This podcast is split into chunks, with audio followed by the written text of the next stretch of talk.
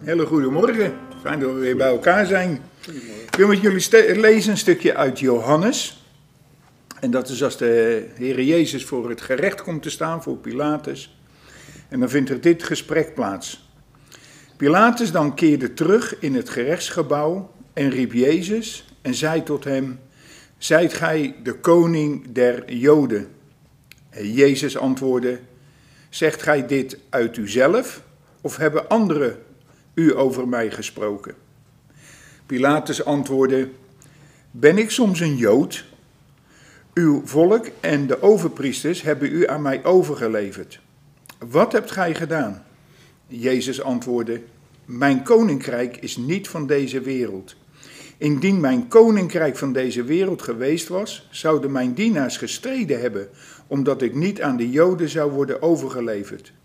Nu echter is mijn koninkrijk niet van hier. Pilatus dan zeide tot hem: Zijt gij dus toch een koning? En Jezus antwoordde: Gij zegt dat ik koning ben. Hiertoe ben ik geboren. En hiertoe ben ik in de wereld gekomen, en dan komt het, opdat ik voor de waarheid zou getuigen. Een ieder die uit de waarheid is, hoort naar mijn stem. En Pilatus zei tot hem: Wat is waarheid? En dit, en na dit gezegd te hebben, kwam hij weder naar buiten tot de Joden en zeide tot hem: Ik vind geen schuld in hem. Nou, je kent die gedeeltes natuurlijk, dat de Heer Jezus wordt veroordeeld en dat, dat ze geen schuld in hem vinden. Maar drie keer komt hier het woordje waarheid voor. En dan vind ik zo mooi dat de Heer Jezus zegt: Ik ben gekomen in deze wereld opdat ik voor de waarheid zou getuigen. En een ieder die uit de waarheid is, hoort naar mijn stem. En dan de reactie van Pilatus. En die zegt: Wat is waarheid?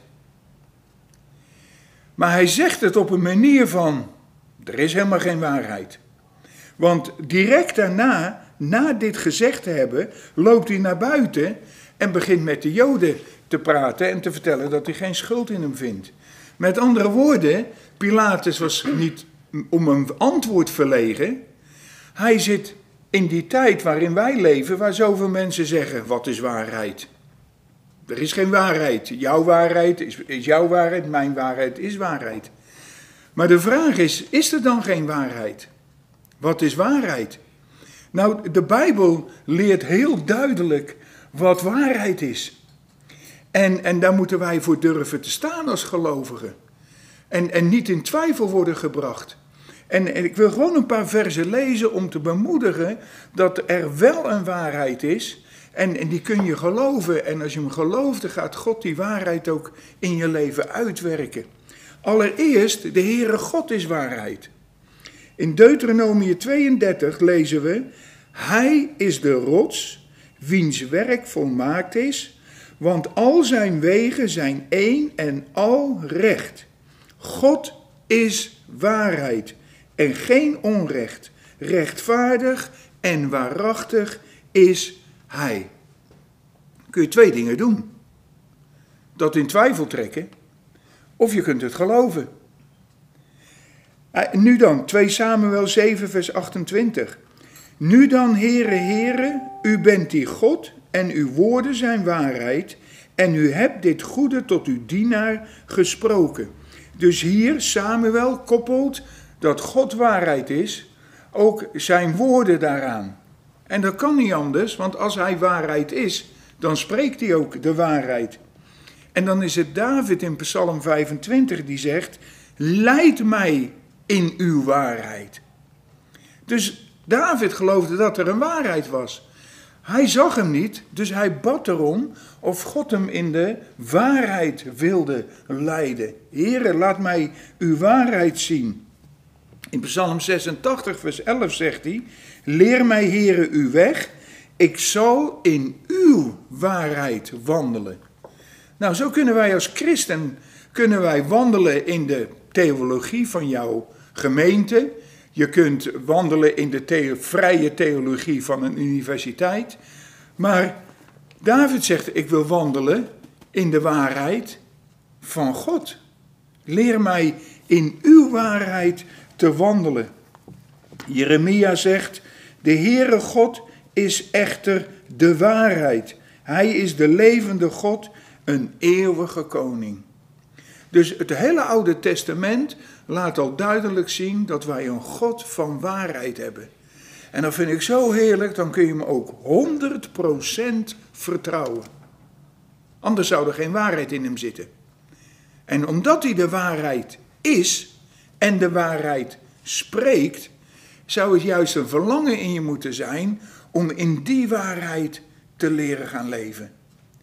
En, en David zegt ook, leer mij. Het is een proces in je leven om in die waarheid te gaan leven.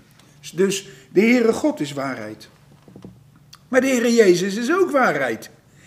In 1 Johannes 1, of Johannes 1 vers 14, en het woord is vlees geworden, het heeft onder ons gewoond, wij hebben zijn heerlijkheid gezien, een heerlijkheid als van de enige geborene van de Vader, vol van genade en waarheid.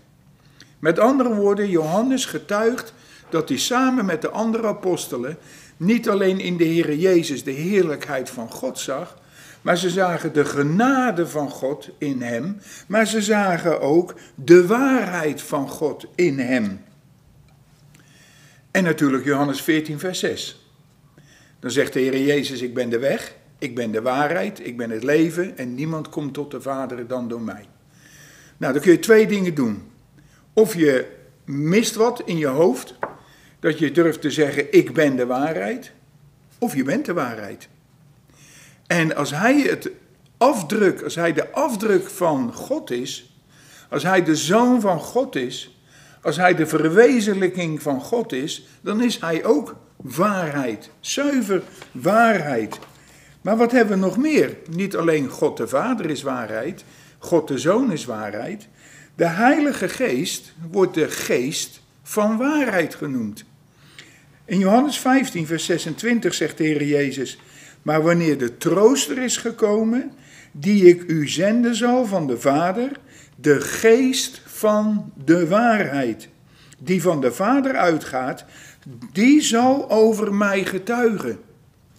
Dus God de Vader is waarheid, God de Zoon is waarheid, en de geest is de geest van de waarheid, en die zal over Christus getuigen.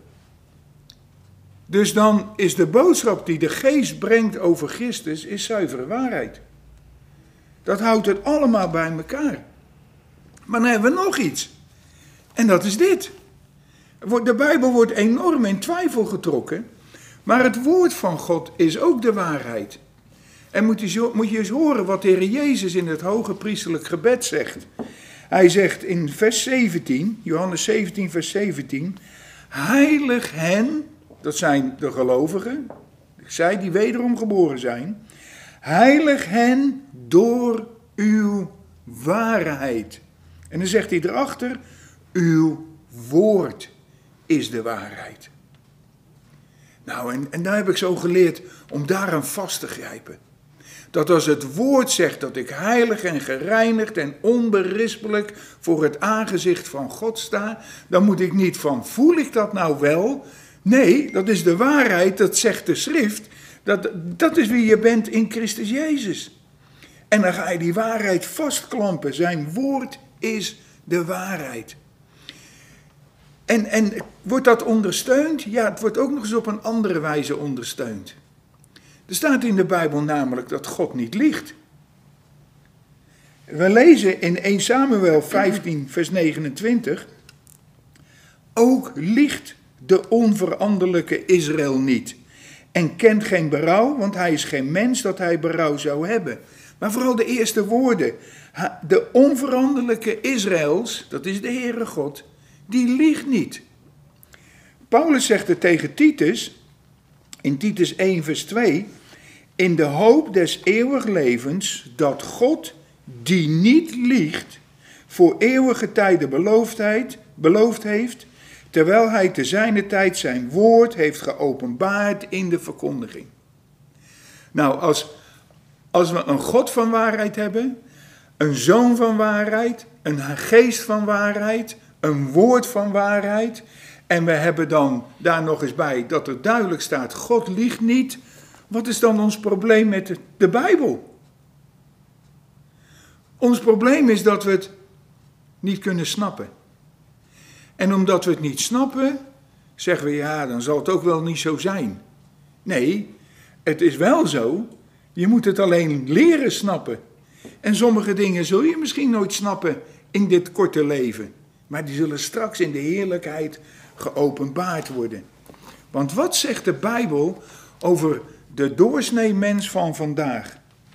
In Romeinen 1, vers 25, er staat, zij, en dat is de mensheid in zijn algemeen, zij hebben de waarheid van God vervangen door de leugen. En dat kan ook niet anders, want elk mens wordt in zonde geboren. Je wordt niet een zondaar omdat je zondigt, maar je zondigt omdat je een zondaar bent. Zo word je geboren. En wie is de vader van de leugen? Dat is de duivel. Wie is de heerser van deze wereld? Dat is de duivel. Dus het is logisch dat de mens in het algemeen die niet uh, het licht van Christus heeft, die de waarheid niet ontdekt, automatisch in de leugen meewandelt. Maar er staat er, zij hebben de waarheid van God vervangen door de leugen en het schepsel vereerd en gediend boven de schepper, die te prijzen is tot in eeuwigheid. Nou, kijk maar om je heen. Wat worden mensen niet aanbeden? Uh, sommige mensen aanbidden de dieren, want we hebben partij voor de dieren. Mensen sterven, abortussen plegen, maar ook kom niet aan een hagedisje. Of dan aanbidden ze de dieren in plaats aanbidden de schepper die de mens boven de dieren heeft gesteld. Dus een hele, hele leugen. En dan terugkomende op die vraag: wat is waarheid? Nou, zal ik je zeggen, God de Vader is waarheid. God de Zoon is waarheid. God de Heilige Geest is waarheid. En Gods woord is de waarheid. En ik durf te zeggen, het is de absolute waarheid. Is er een absolute waarheid vandaag, 2020? Ja, er is een absolute waarheid. En elk mens zal straks voor die absolute waarheid verantwoording moeten afleggen als de boeken over je levens geopend worden. En dan kun je niet zeggen, ja maar. Nee, dan wordt de waarheid geopenbaard. Maar wat een genade van God. Dat Hij een weg heeft gegeven, zijn Zoon de Heer Jezus. Opdat een iedereen die in Hem gelooft, niet alleen het eeuwige leven krijgt, maar ook de waarheid gaat ontdekken. En dat hij de geest heeft gegeven en zijn woord om die waarheid ook te leren toe te passen en, en te gaan kennen in je persoonlijke wandel met hem. Mogen wij ook zeggen, Heere, net als David, leid mij in uw waarheid, opdat ik mijn leven overeenkomstig uw waarheid zal gaan leven. Dat God jullie zegene met zijn waarheid. Amen. Amen.